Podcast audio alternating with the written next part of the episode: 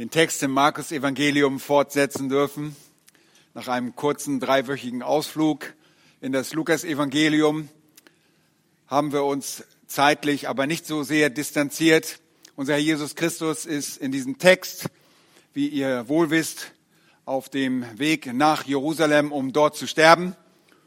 Und es ist in, zu dieser Zeit, dass er ein paar wichtige Dinge lehrt. Und auch heute in dem Text von Markus, Kapitel 10, die Verse 13 bis 16, ein wunderbarer Text, den ich zusammengefasst habe über Tadel zum Adel der Königskinder. Über den Tadel zum Adel der Königskinder. Lasst uns den Text kurz lesen. Markus Kapitel 10, die Verse 13 bis 16. Und sie brachten Kinder zu ihm, damit er sie anrühre. Die Jünger aber tadelten die, welche sie brachten. Als das Jesus sah, wurde er unwillig und sprach zu ihnen, lasst die Kinder zu mir kommen und wehrt ihn nicht, denn solcher ist das Reich Gottes.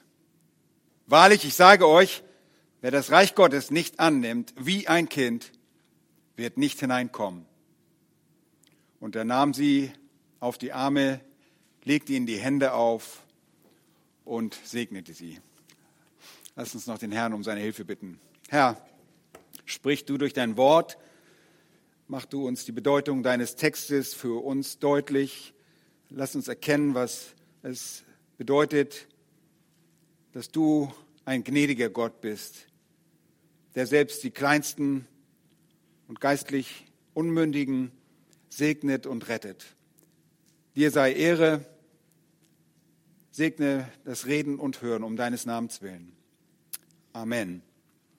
Ja, überall in der Bibel sehen wir, dass das Herz Gottes den Kindern in besonderer Weise zugeneigt ist. Und dabei beobachten wir auch, dass sie bei ihm unter einem ganz besonderen Schutz stehen. Bei all den Berichten im Neuen Testament erkennen wir auch den Herrn Jesus als liebenden König, der ein wahres Herz für Kinder besitzt. Nun, es ist nicht besonders schwierig, Kinder zu mögen, besonders wenn sie alles richtig tun und sie uns zieren, uns als Mann oder Frau, Mutter oder Vater als Schmuckstücke dienen in solchen Fällen erheben und schmeicheln sie uns. Sie sind im kleinen Kindesalter einfach nur zum Knuddeln. Und der normale Mensch erfreut sich an ihn. Und es ist natürlich, Kinder zu mögen. Sie sind etwas Liebsames, das man einfach gerne haben muss. Kürzlich legte mir eine Mutter aus unserer Gemeinde ihr Baby in meine Arme. Und ich habe diese Momente sehr geschätzt, weil meine Enkelkinder ganz woanders wohnen. Und es ist einfach sehr schön, wenn man diesen kleinen Menschen zusehen kann und sie letztlich auch beobachten darf, wie sie sich entwickeln. Es ist wunderbar zu sehen, wie jedes Kind eine eigene Persönlichkeit besitzt und es ist die Freude der Eltern, dies beobachten zu dürfen. Und als Opa ist es besonders schön, dass man kleine Kinder auch wieder abgehen geben kann, wenn sie schreien. Das ist wunderschön. Es ist eine Wonne, kleine Kinder zu haben oder ihnen zu begegnen. Salomo schreibt, siehe, Kinder sind eine Gabe Jahwes, die Leibesfrucht ist eine Belohnung. Psalm 127, Vers 3. Ferner sagt Salomo in den Sprüchen, Kindeskinder sind eine Krone der Alten. Amen. Sprüche 17, Vers 6a. Nun, es ist deshalb umso mehr traurig, dass Kinder dennoch oft als unangenehme Begleiter oder störende Produkte angesehen werden. Und das ist leider die Meinung von Menschen, die Kinder als Resultat der eigenen Zügellosigkeit sehen. Sie sind häufig schon in den Augen angehender Eltern lästig, weil sie nun einmal da sind und sich immer weiter ausbreiten, zunächst in der Gebärmutter und dann auch in dem sichtbaren Gegenüber. Dem eigenen Ich wächst eine Konkurrenz heran und so werden die Kinder oftmals früh missachtet und links liegen gelassen. Sie werden häufig ohne tatsächliche Notwendigkeiten in Früherziehungseinrichtungen abgegeben. Sie werden dann von Menschen erzogen, die mit der Beschäftigung von diesen Kindern ihr Geld verdienen, während die eigene Mutter das zu, dazu nötige Geld verdienen muss, damit andere ihren eigenen Kindern Werte vermitteln können.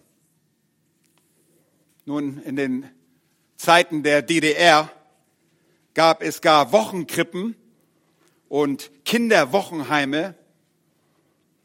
Und wir selbst durften Menschen kennenlernen, die dort am Montagmorgen abgegeben wurden, nur um dann am Ende der Woche, der Arbeitswoche von der eigenen Mutter wieder in Empfang genommen werden, zu werden. Kinder wirken auf ihre Eltern nicht selten störend. Sie passen nicht in das eigene Planen. Sie wirken so störend, dass sie sehr häufig schon vor der Geburt einem medizinisch ausgebildeten Schlechter zum Opfer fallen. Geschwister, allein in Berlin wurden im Jahr 2019 fast 10.000 Kinder vor ihrer Geburt umgebracht. Und es ist ein Gräuel, der nicht ohne Gottes Zorn bleiben wird. Und unsere Regierung nimmt diese Dinge so hin und brüstet sich gleichzeitig damit, Menschenleben in der Pandemie schützen zu wollen. Ein Widerspruch größter Torheit. Corona forderte in Berlin bisher etwas über 400 Menschen, viele von denen, die bereits ein sattes Leben hinter sich haben. Kinder hingegen sind wehrlos, werden übelst missbraucht, entfernt, abgesaugt. Und sie bedürfen verschiedener besonderer Schutzverordnung, um sie vor den Erwachsenen zu behüten. Und es ist so traurig, wie der Mensch durch seine eigene Sünde entstellt ist, dass so etwas überhaupt gesagt, gesagt werden muss oder gesagt werden kann. Und dabei ist die häusliche Gewalt ein schrecklicher Faktor, den ich bei meiner Auflistung nicht vergessen, aber nur kurz erwähnen möchte. Häusliche Gewalt grassiert geradezu an Kindern, die oft schutzlos sind. Aber warum bringe ich all diese Dinge vor? Macht es mir Freude, mich daran zu erinnern, wie diese kleinen Kreaturen leiden müssen? Nun keineswegs. Aber es erinnert uns an die schreckliche Tatsache, dass das fehlgeleitete Denken der Menschen über Kinder eine Realität ist, die wir nicht ignorieren können und dürfen. Und deshalb, ihr Lieben, deshalb verkündigen wir zur Ehre Gottes das Evangelium von Jesus Christus, das Evangelium vom Reich Gottes. Und deshalb befragen wir unseren Gott, was er dazu denkt. Und streben danach, diesem Denken Gottes in unserem Leben Ausdruck zu verleihen.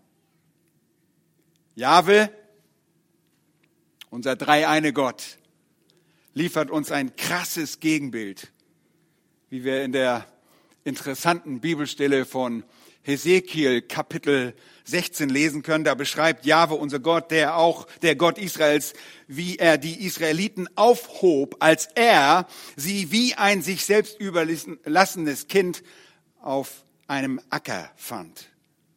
Hört einmal zu.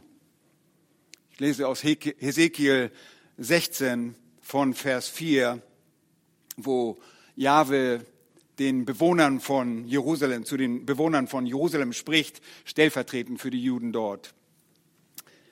Vers 4. Und mit deiner Geburt, sagt er zu ihnen, verhielt es sich so. An dem Tag, als du geboren wurdest, ist dein Nabel nicht abgeschnitten worden.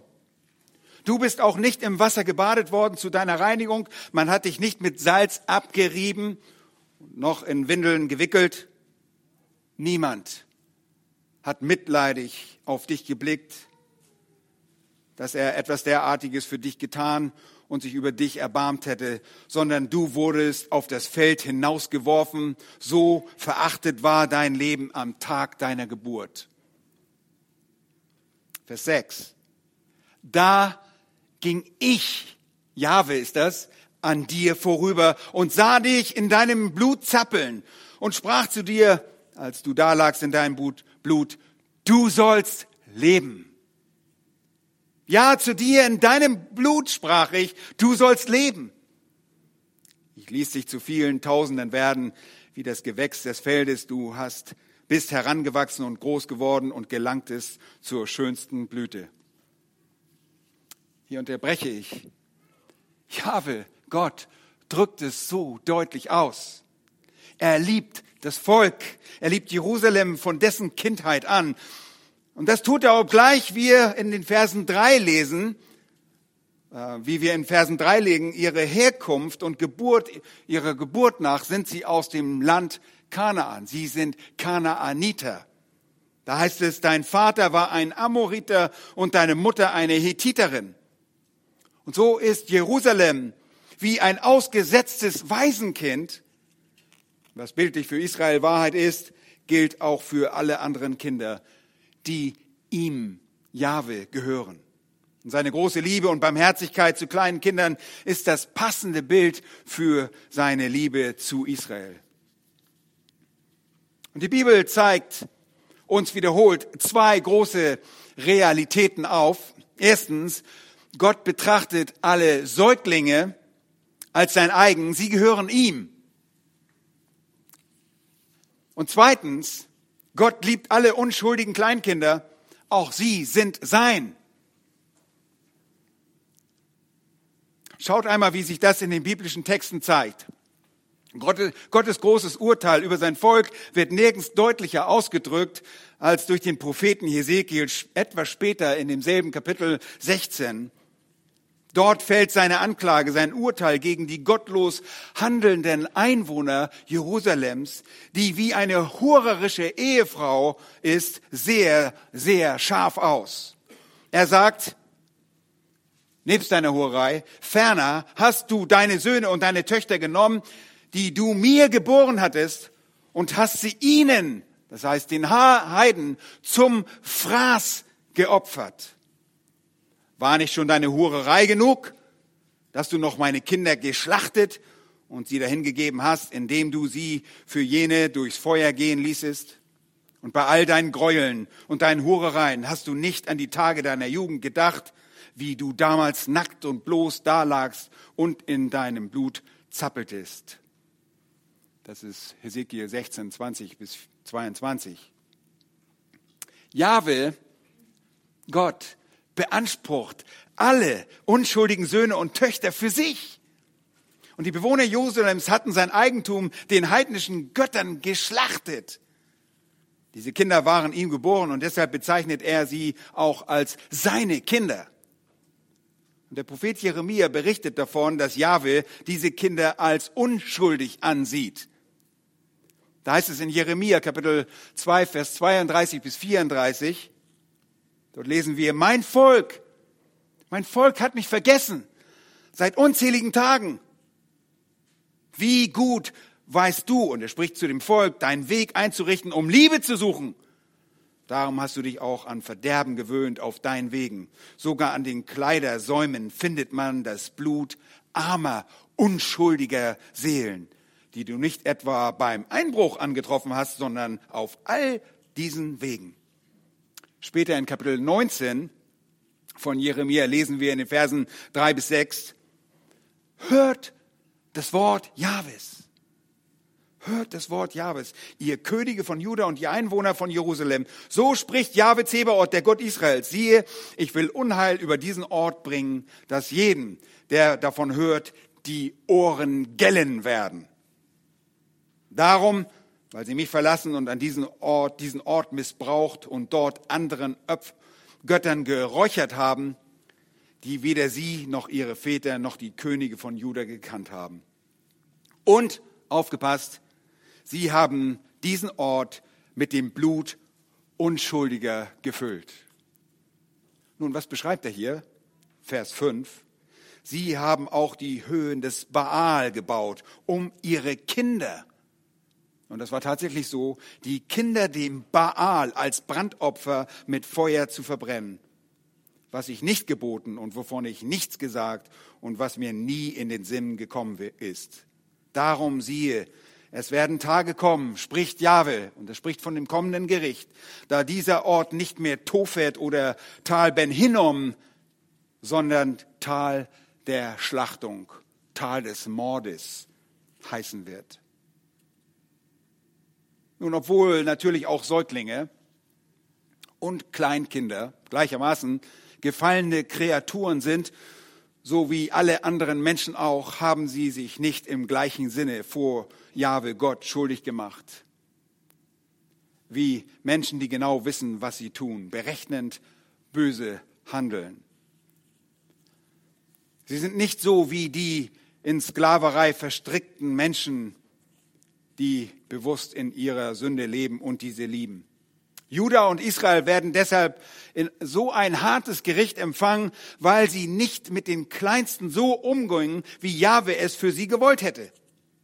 Und in all den Misshandlungen und Schlachtungen empfindet Jahwe Abscheu für ihre Mörder und hat Barmherzigkeit für die Unschuldigen. Nun, das Jahwe Mitgefühl für die Unschuldigen besitzt, kann man auch deutlich am Buch Jona erkennen. Ihr erinnert euch sicherlich an diese sehr eindrückliche Geschichte, einige von euch vielleicht schon aus der Kinderstunde. Als Jahwe den Propheten Jona nach Ninive sandte, damit er dort Buße predigte und die Niniviten das auch taten, hatte Jona überhaupt keinen Gefallen daran. Schließlich waren das die Assyrer, diese Adressaten waren Assyrer, die ärgsten, die Adressaten dieser Predigt von Jona, die ärgsten und die grausamsten Feinde Israels. Jona, er antizipierte und erwartete die Güte und Barmherzigkeit Jahwes und wollte deshalb auch in eine andere Richtung fliehen. Er wollte ihren Untergang, nicht deren Umkehr. Könnt ihr euch das vorstellen? Ein Prophet, der keine Buße möchte? Meine Güte. Und ihr wisst, um dessen Fluchtversuch, der letztlich im Bauch eines Fisches endete und dieser Fisch dann gehorsam Jona an dem ihm aufgetragenen Ort ausspie. Jona ging dann letztlich doch und predigte und hört zu, zu seinem Leidwesen tritt seine schlimmste Befürchtung ein, nämlich, dass die Bewohner Ninives Buße taten. Man stellt dir vor, ihr seid ein Prophet Gottes, ihr seid ein Evangelist und ihr seid wirklich schockiert, weil Gott Buße schenkt und ihr ärgert euch und trauert, dass diese Menschen Buße tun. Nun, er tat das. Was für ein Prophet, der sich nicht einmal über die Bußfertigkeit dieser vielen Sünder freut. Im Himmel, so haben wir die letzten drei Wochen erfahren, ist Freude über einen einzigen Sünder, der Buße tut. Eine Party bricht los über einen einzigen Sünder. Nun, Jahwe reagiert daraufhin auf Jonas Meckern und auf dessen Missmut und er tadelt diesen, weil er sogar mehr Leid trägt. Ihr erinnert euch an diese Geschichte über einen äh, Rizinusstrauch, der seine Blätter verliert.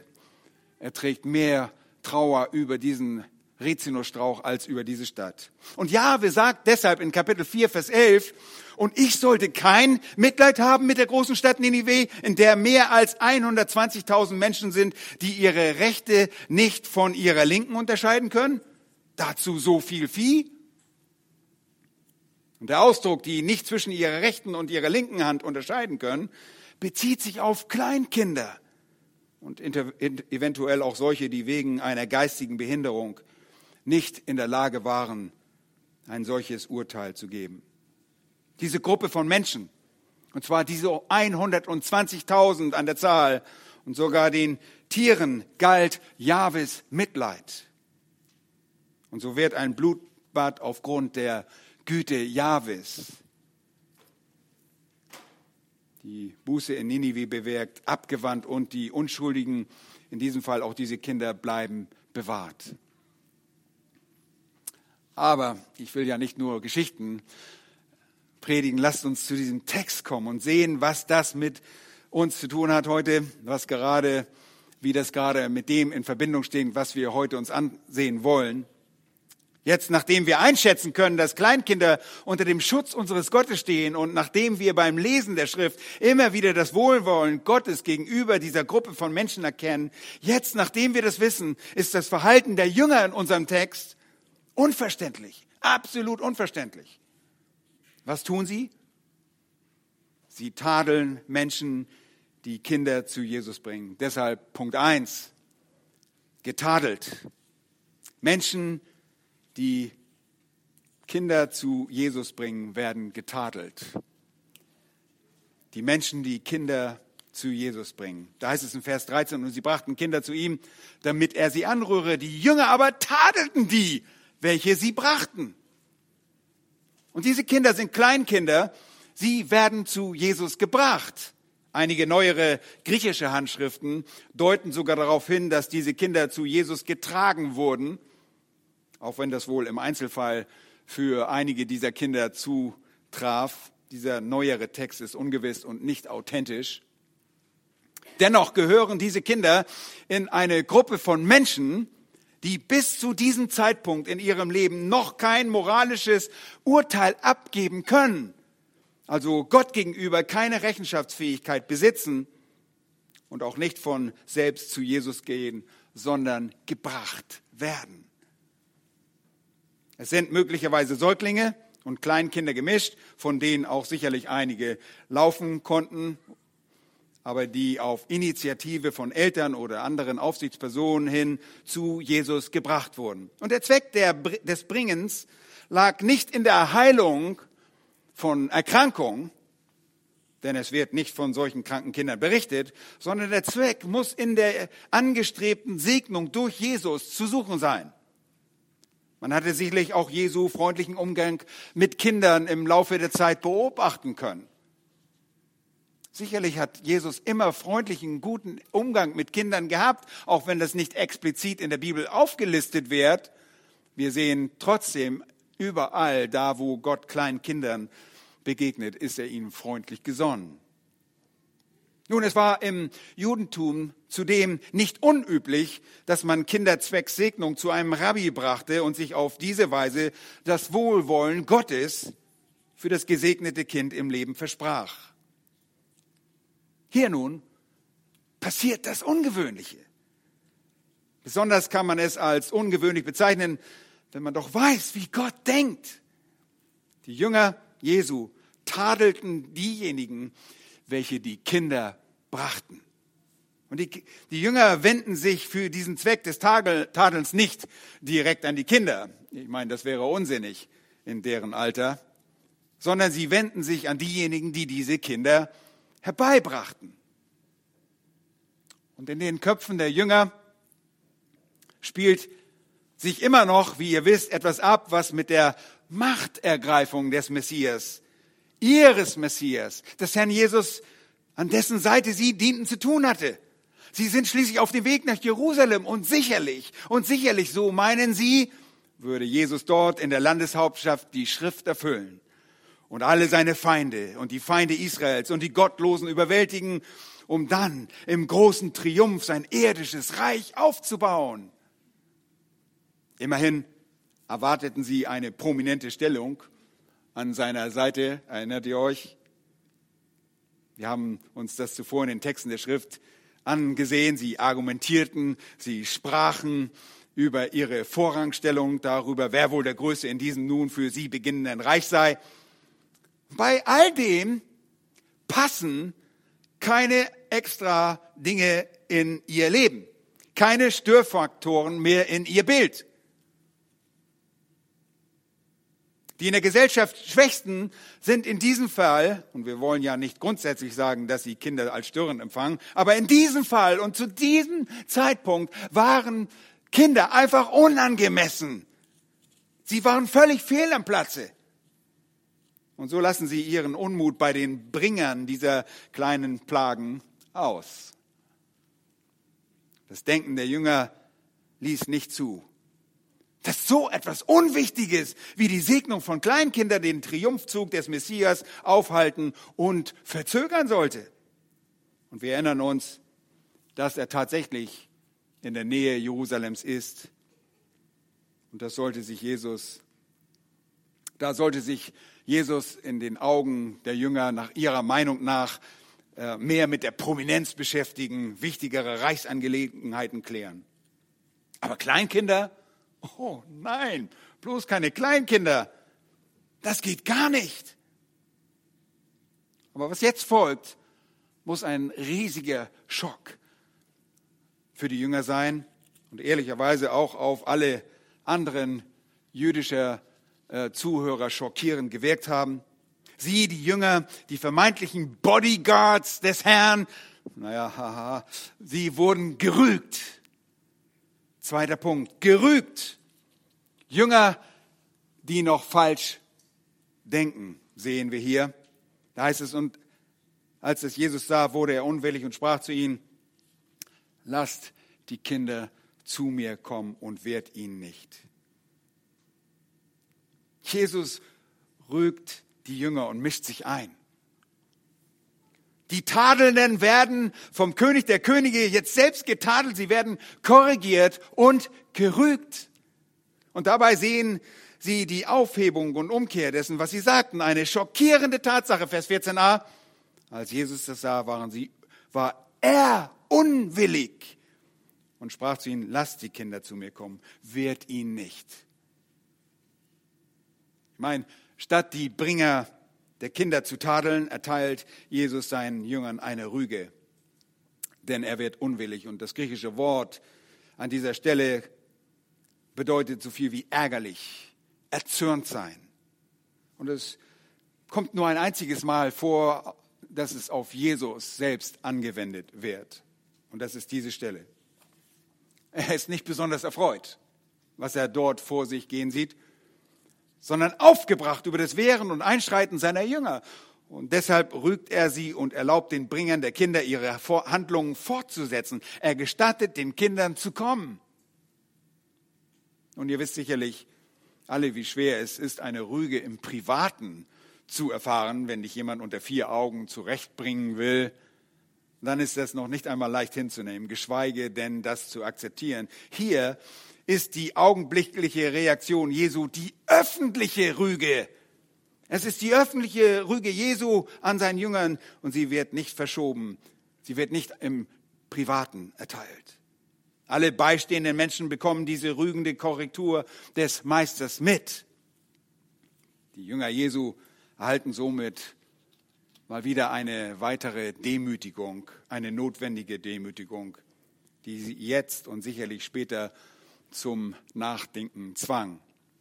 Nun, wie wichtig dieses Eingreifen Jesu war, das erkennen wir aber erst an der Begründung des Herrn Jesus Christus selbst.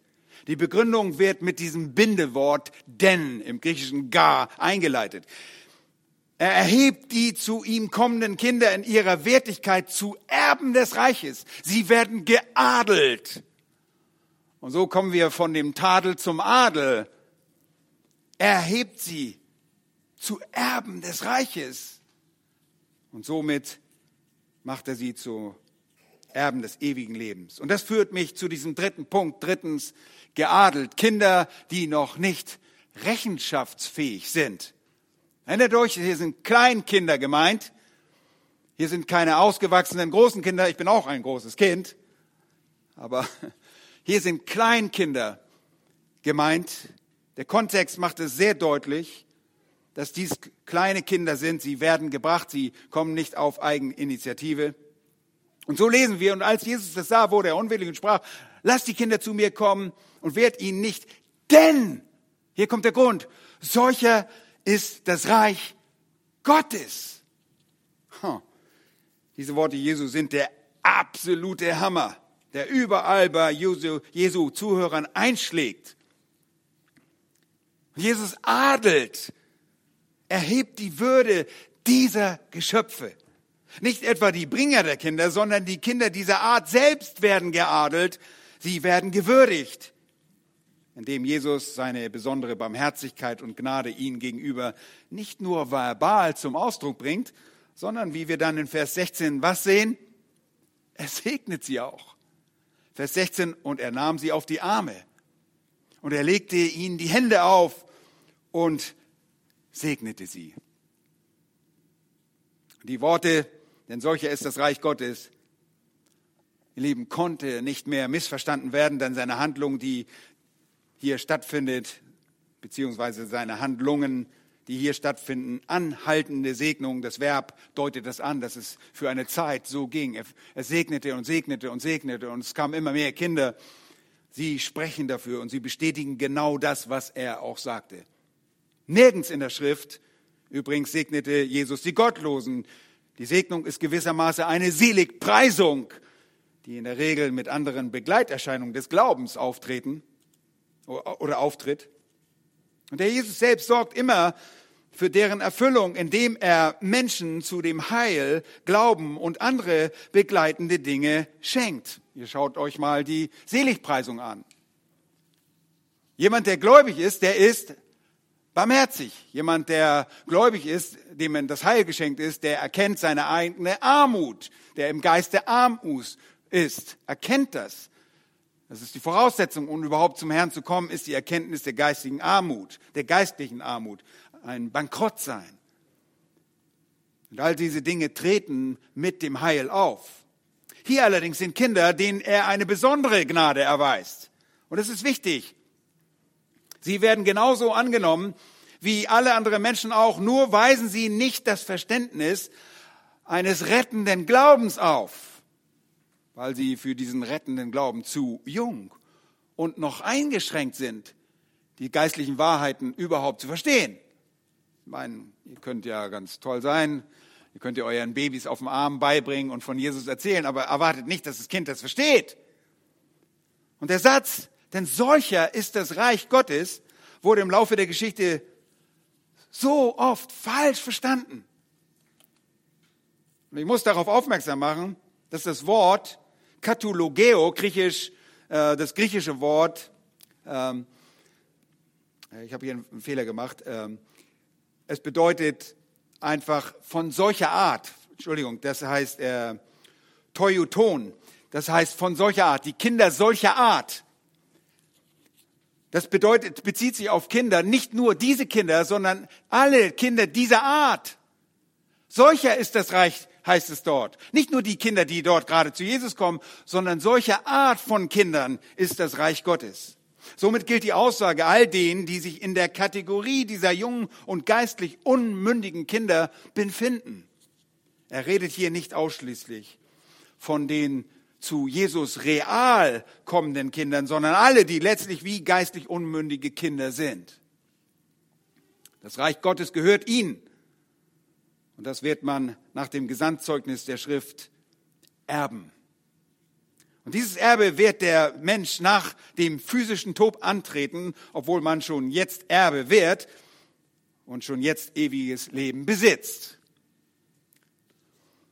Ich erkläre das gleich noch. Trotzdem wurde diese Stelle oft missverstanden. Und die damit entstandene Fehlinterpretation führte zu einem sehr großen Wirrwarr in der Kirche. Und selbst in vielen Gemeinden heute herrscht Unklarheit darüber, was das auf sich hat. Man begann zum Beispiel damit, die kleinsten Kinder aufgrund dieser Aussage zu taufen. Und man machte aus dem Ritual der Taufe schließlich eine zum Heil führende Handlung. Wisst ihr, wenn sowas passiert, verliert die Zentralität von Gottes Erbarmen in dem Leben von Kindern die eigentliche Bedeutung. Durch, die, durch den Verlust der Zentralität von Gottes Erbarmen in dem Leben von Kindern wurde so durch Aktivitäten von Seiten der Menschen, wird so durch die Aktivität von Seiten der Menschen aufgehoben. Und es geht um die Aktivität der Menschen auf einmal von dort an stand die korrekte Handlung der Menschen und der Mensch selbst im Mittelpunkt, nicht der barmherzige Gott. Und die Taufe, besonders auch von Säuglingen, wurde in der Kirche zum Sakrament. Ein Ritual, das die Rettung der Seele gewährte, wenn sie recht vollzogen wurde, wenn man die richtigen Worte sprach. Und ihr merkt schon, dass so viel Wert auf das Ritual gelegt wurde, dass man die eigentliche Aussage Jesu über sein göttliches Aus Erbarmen total vergaß. Das Versäumnis der korrekten Auslegung der Schrift und die intendierte, die beabsichtigte Bedeutung hier zu erkennen, die hinter diesen Worten Jesu steckt, wirkt bis heute, bewirkt heute ein großes Dilemma. und bleibt ein Dilemma. Noch heute debattiert man, und ihr braucht nur auf die Seiten des Vatikans zu gehen, äh, vatikan.va, dann werdet ihr sehen, wie durcheinander die katholische Kirche ist in Bezug auf ihre Kinder, besonders auf die Kinder, die sterben, die für jahrelange Zeit ja auch in einen Limbus gingen, in einen besonderen Ort, wo, der, wo sie zwar Gott nicht sehen, aber trotzdem geschützt sind vor der Hölle und äh, ein riesiges Durcheinander. Erst 2007, glaube ich, haben sie ein letztes äh, Dekret erlassen darüber, was mit diesen Kindern geschieht. Ein großes Durcheinander. Das Versäumnis bringt wirklich, äh, das Versäumnis einer richtigen Auslegung bringt äh, Verwirrung. Es wurde in dieser Begebenheit in unserem Text zunächst sehr deutlich, die Kinder durften hier zu Jesus gebracht werden. Jesus, der Sohn Gottes, der, wie wir wissen, selbst Jahwe ist, wir haben einen dreieinen Gott, er liebt Kinder und es besteht kein Zweifel daran, dass sich Jesus an der Gesellschaft dieser Unschuldigen sehr erfreut hat. Ihre Reinheit ist den Kindern anzusehen und ist bei ihnen nicht so wie bei uns. Wir lesen in Römer 5, Vers 12, da heißt es darum, gleich wie durch einen Menschen die Sünde in die Welt gekommen ist und die Sünde durch die Sünde der Tod, so ist der Tod zu allen Menschen hingelangt, weil sie alle gesündigt haben. Nun, wir sind nicht nur Sünder mit verderbter menschlicher Natur, sondern wir haben gegen Gott in unseren Gedanken rebelliert.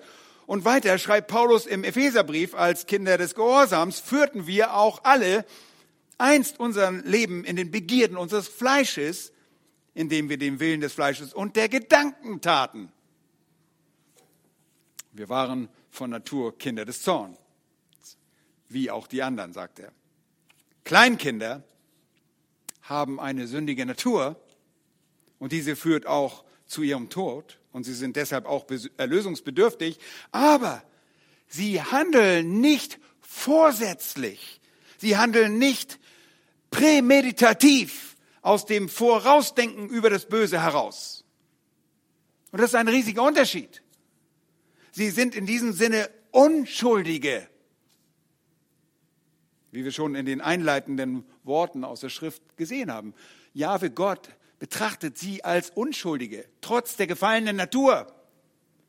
Aber sie sind es auch nur in dieser Hinsicht, denn auch sie brauchen aufgrund ihrer sündigen Natur das göttliche Erbarmen.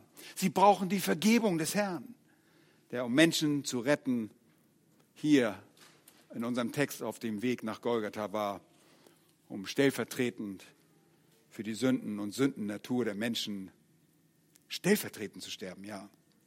Und dieses Erbarmen gereicht ihnen in dieser Lebensphase nicht zum ewigen Leben, weil sie, also diese Kinder, es gereicht ihnen nicht zum ewigen Leben, weil sie einen wohldurchdachten Glauben besitzen. Ich bin mir sicher, äh, dass ihr eure Tochter ansprechen könnt und sie wird nicht reagieren darauf, auf ihren Glauben. Sie, sie wird nichts antworten können. Sie spricht nicht mal, geschweige denn, dass sie den Glauben versteht. Nein, dafür sind auch diese Kinder zu jung und für ein moralisches Urteil mit eingeschränkter geistiger, geistlicher Aufnahmefähigkeit konnten sie kein moralisches Urteil abgeben. Sie besaßen eine eingeschränkte geistige und geistliche Aufnahmefähigkeit. Sie qualifizierten sich einfach nicht. Nein, Gott verleiht ihnen diese Barmherzigkeit des Erbes. Nur in dieser Spanne des Lebens, beziehungsweise unter diesen Umständen geistiger Eingeschränktheit, und das Erbe kommt nur dann zum Tragen, wenn sie in dieser Zeit nach der Bestimmung Gottes sterben. Seid ihr jetzt durcheinander? Ha. Der Herr Jesus gibt uns bei dieser Begebenheit einen ganz besonderen Einblick in sein Denken über diese geliebte Geschöpfe. Er adelt diese Kinder als Erben des Reiches. Das heißt, empfangene und noch nicht, also noch ungeborene Kinder, Säuglinge und Kleinkinder, sogar Menschen mit geistigen Behinderungen, Behinderungen, die diese Menschen in ihrem Denken mit Kleinkindern gleichsetzen, erfahren bei Gott eine ganz besondere Gnade. Ein Erbarmen, dass sie, und bitte passt gut auf, dass sie Personen aus dieser Gruppe von Menschen nur im Falle eines vorzeitigen Todes in dieser Lebensphase Phase zu Erben des Reiches macht. Es ist nur im Fall ihres Abscheidens, ihres Heimgangs sozusagen, dass sie mit dem Erbe des Reiches rechnen können. So sieht die Erwählung von Menschen aus, die zu, in diesem Zeitfenster beziehungsweise in dieser Kategorie nach dem Vorsatz Gottes sterben.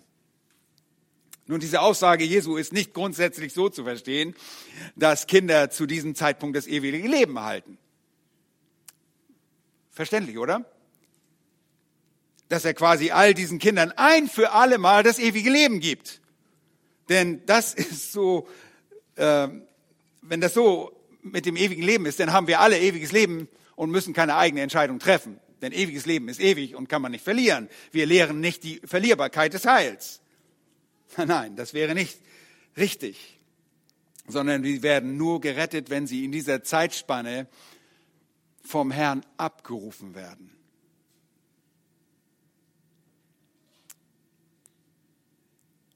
Nun, da die Schrift die Unverlierbarkeit des Heils lehrt, kann es nicht sein, dass der Herr hier diesen Kindern das Heil zuspricht. Und dann, wenn sie ein bestimmtes Alter erreicht hat, sagt er, so jetzt seid ihr alt genug, jetzt nehme ich es wieder weg. Ja, das macht überhaupt keinen Sinn. Bitte versteht diesen Text nicht falsch. Dieser Segen und Adel ist vielmehr die Seligpreisung, die dieser Gruppe von Menschen bei deren Tod gilt. Und im Falle ihres Todes, also eines menschlich betrachtet vorzeitigen Austreten aus ihrem irdischen Leben, gilt ihnen diese Barmherzigkeit Gottes. Allein das macht diese Menschen zu Bürgern des Reiches Gottes. Und bitte betrachtet die Schriftstellen niemals isoliert, sondern immer im Lichte des Gesamtzeugnisses der Schrift. Das, was hier geschieht, ist auch nicht irgendeine theoretische Zusage Jesu, eine theoretische Segnung, die überhaupt nie zutrifft. Denn aus dieser Kategorie von Menschen hat Jahwe Gott sich tatsächlich eine riesige Menge von Menschen berufen. Jahwe Gott schafft Leben und wir wissen, er beendet es auch. Er entscheidet es und Hiob sagt im Lichte seines erfahrenen Leides einmal, warum starb ich nicht gleich bei der Geburt? Kam nicht um, sobald ich aus dem Mutterschoß hervorging. Hiob 3, Vers 11. Gott wollte ihn nicht so. Er wollte ihn nicht so haben, sondern anders gebrauchen und später retten. Nicht der Mensch entscheidet, über den Tod, sondern Gott. Und David schreibt im Psalm 139, Vers 16, deine Augen sahen mich schon als ungeformten Keim. Und in dein Buch waren geschrieben alle Tage, die noch werden sollten, als noch keiner von ihnen war.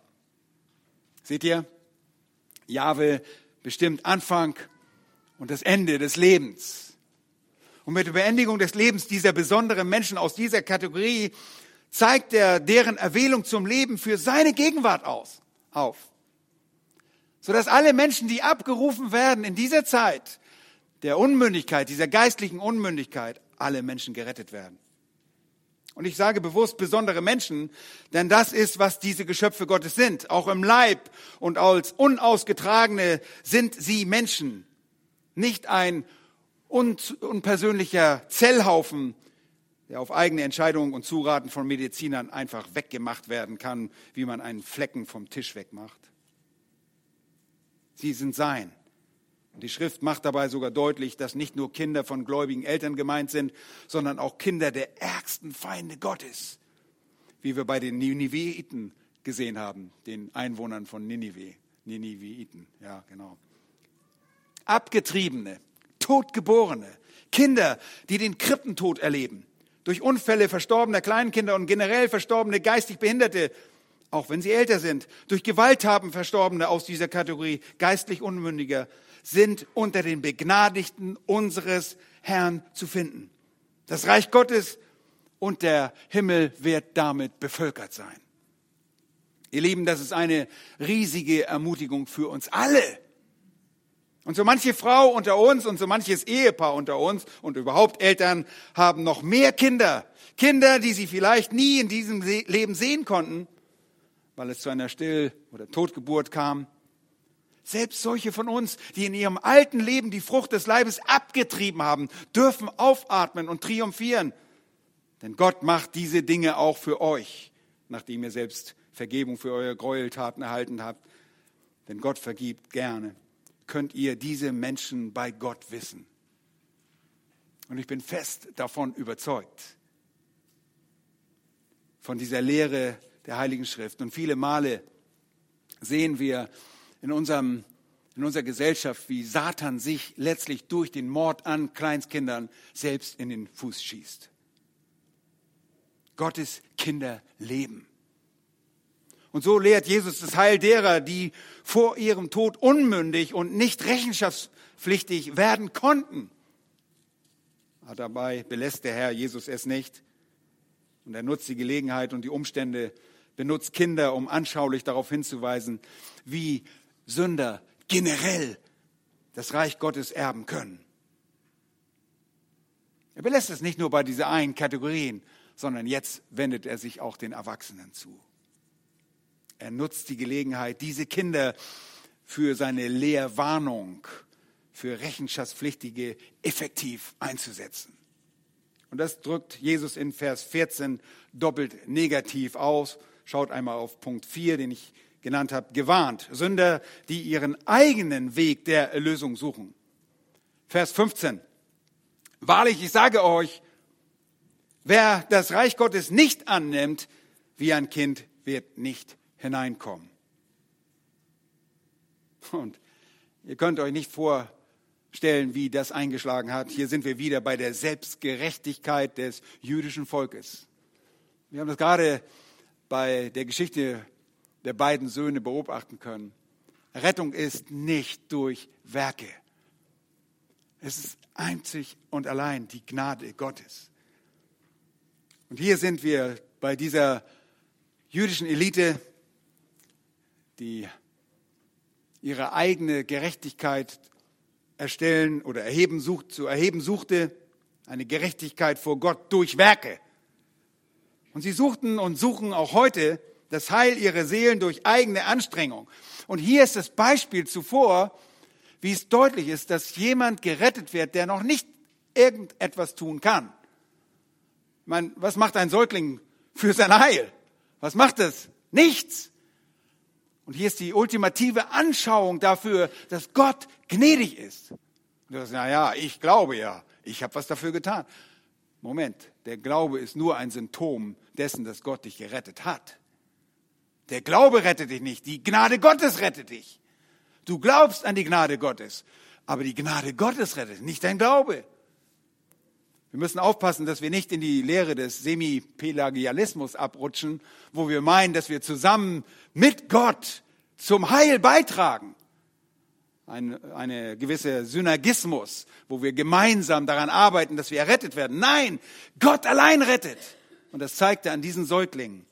Und jetzt macht er deutlich, dass andere darüber raus, über diese Kategorie hinaus, was sie tun müssen, um das Reich Gottes, äh, Anspruch auf das Reich Gottes zu nehmen, um dort hineinzukommen. Nun, sie versuchen das immer mit eigener Anstrengung. Und äh, Jesaja schreibt, wir sind allesamt geworden wie Unreine und alle unsere, Ungerecht, unsere Gerechtigkeiten, das ist glaube ich ein Plural dort, wie ein beflecktes Kleid. Wir sind alle verwelkt wie die Blätter und unsere Sünden tragen uns fort wie der Wind. Hier sagt Jesus etwas sehr Entscheidendes. Wer das Reich Gottes nicht annimmt wie ein Kind, wird nicht hineinkommen. Und die Frage stellt sich automatisch, wie nimmt ein Kind, ein gewöhnliches Kind, das Reich Gottes an? Nun, das Kind reagiert im größten Vertrauen. Ein Kind, dem wir etwas sagen, ist leichtgläubig, hinterfragt nicht. Das Reich Gottes wie es auch genannt wird, das Himmelreich mit unserem regierenden Gott auf dem Thron, dem Herrn des Himmels und der Erde, das Reich Gottes ist etwas, wo wir hineinzukommen suchen müssen. Und das wird nicht automatisch geschehen, wie bei diesen äh, Kleinstkindern, die nicht rechenschaftspflichtig sind und dann vorzeitig sterben. Nein, es ist nicht so wie bei dem Tod dieser geistig und geistlich Unmündigen. Das Geschenk des ewigen Lebens und das ewige Leben ist synonym mit der Erbschaft des Reiches, wird uns den Rechenschaftspflichtigen durch Jesu Erlösungswerk mit dem Kennzeichen des Glaubens zuteil. Wisst ihr, wir müssen aufpassen, der Glaube darf nicht zu einem Werk werden. Das ist ein ganz äh, feiner Unterschied. Paulus macht sehr deutlich, der Glaube ist eine Gabe Gottes, damit wir uns nicht rühmen. Und so schnell können wir uns des Glaubens rühmen und denken, ja, ich habe ja geglaubt, ich habe meinen Teil dazu getan. Nein, Gott hat dich gerettet und du glaubst. Es ist der Glaube an das, was Gott durch Jesus Christus für uns tat. Es ist der Glaube, der den erwählten Kindern Gottes zuteil wird. Und wie Jesus hier sagt, ist es ein annehmendes Evangelium des Reiches, für dessen Eintritt erforderlich. Und das geschieht nur auf Grundlage eines vertrauenvollen Glaubens. Und genau das steckt in diesen Kindern und in diesen Worten. Wer das Reich Gottes nicht annimmt wie ein Kind. Wenn du es aber annimmst wie ein Kind, das ist die Umkehrung, dann wirst du gerettet und ein Bürger des Reiches sein. Und die Juden wollten das Reich einnehmen, indem sie eigene Leistungen dafür erbringen wollten. Und das ist interessant. Der Mensch hat immer irgendwie das Verlangen, ich muss doch etwas tun dafür. Die Bibel sagt, nein, glaube mir, dass ich es tue. Ihr könnt nichts bringen. All eure Gerechtigkeit ist wie dreckige Lumpen. Wir haben es gesehen, wie ein beflecktes Kleid. Sie hatten ihre eigenen todbringenden Maßstäbe. Ein Kind hingegen ist aufgeschlossen und begibt sich gerne in die Abhängigkeit anderer. Deshalb müssen Kinder auch in gewisser Weise geschützt werden. Man kann Kindern schnell etwas sagen. Aber so müssen wir sein in Bezug auf die Botschaft des Reiches Gottes, in Bezug auf das Evangelium. Wir müssen glauben und annehmen, wie die Kinder das auch annehmen. Nur so und auf keine andere Art und Weise geschieht die Errettung aller Menschen, die darüber nachdenken können. Ich rede nicht von den anderen Kindern, die es nicht können, von der Kategorie Unmündiger, geistig Unmündiger, nicht Rechenschaftspflichtiger, sondern wir müssen durch das Nachdenken Gott gegenüber rechenschaftspflichtig sein und ihn annehmen, sein Reich annehmen, die Botschaft vom Reich. Und wir wissen, Jesus predigte vom Anfang an, im Markus-Evangelium haben wir es gesehen, das Evangelium vom Reich Gottes. Das ist die gute Nachricht vom ewigen Leben, dass er gestorben ist für die Sünder. Und wir, du und ich, die wir rechenschaftspflichtig sind vor diesem Gott, wird gesagt, es ist dem Menschen bestimmt, einmal zu sterben, danach das Gericht. Hebräer 9, 27. Begebe dich wie ein Kind, vertrauensvoll und aufgeschlossen, vorbehaltslos in die Abhängigkeit des Herrn. Glaube ihm, vertraue ihm, folge ihm so wirst du zum Bürger seines Reiches werden. Welches Reich? Nun das Reich, das von ihm selbst regiert wird und auf Erden aufgerichtet wird. Nun, in gewisser Hinsicht regiert Gott schon jetzt unser Leben. Zu einem Reich gehören immer auch solche, die regiert werden müssen. Das sind seine Kinder. Aber es gibt tatsächlich ein irdisches Reich, wenn der Herr Jesus Christus wiederkommt. Wir haben davon gesungen, von Zion. Mache die Tore weit. Der Herr kommt ein zweites Mal und wird sein Reich auf dieser Erde aufrichten. Ein Friedensreich. Und da ist alles das, was wir uns so sehr wünschen. In einer Gesellschaft. Absoluter Frieden. Keine eigene Sünde. Und wir, die wir bereits verherrlichte Leibe haben, werden in eine Welt kommen mit unserem Herrn Jesus Christus an seiner Seite herrschen.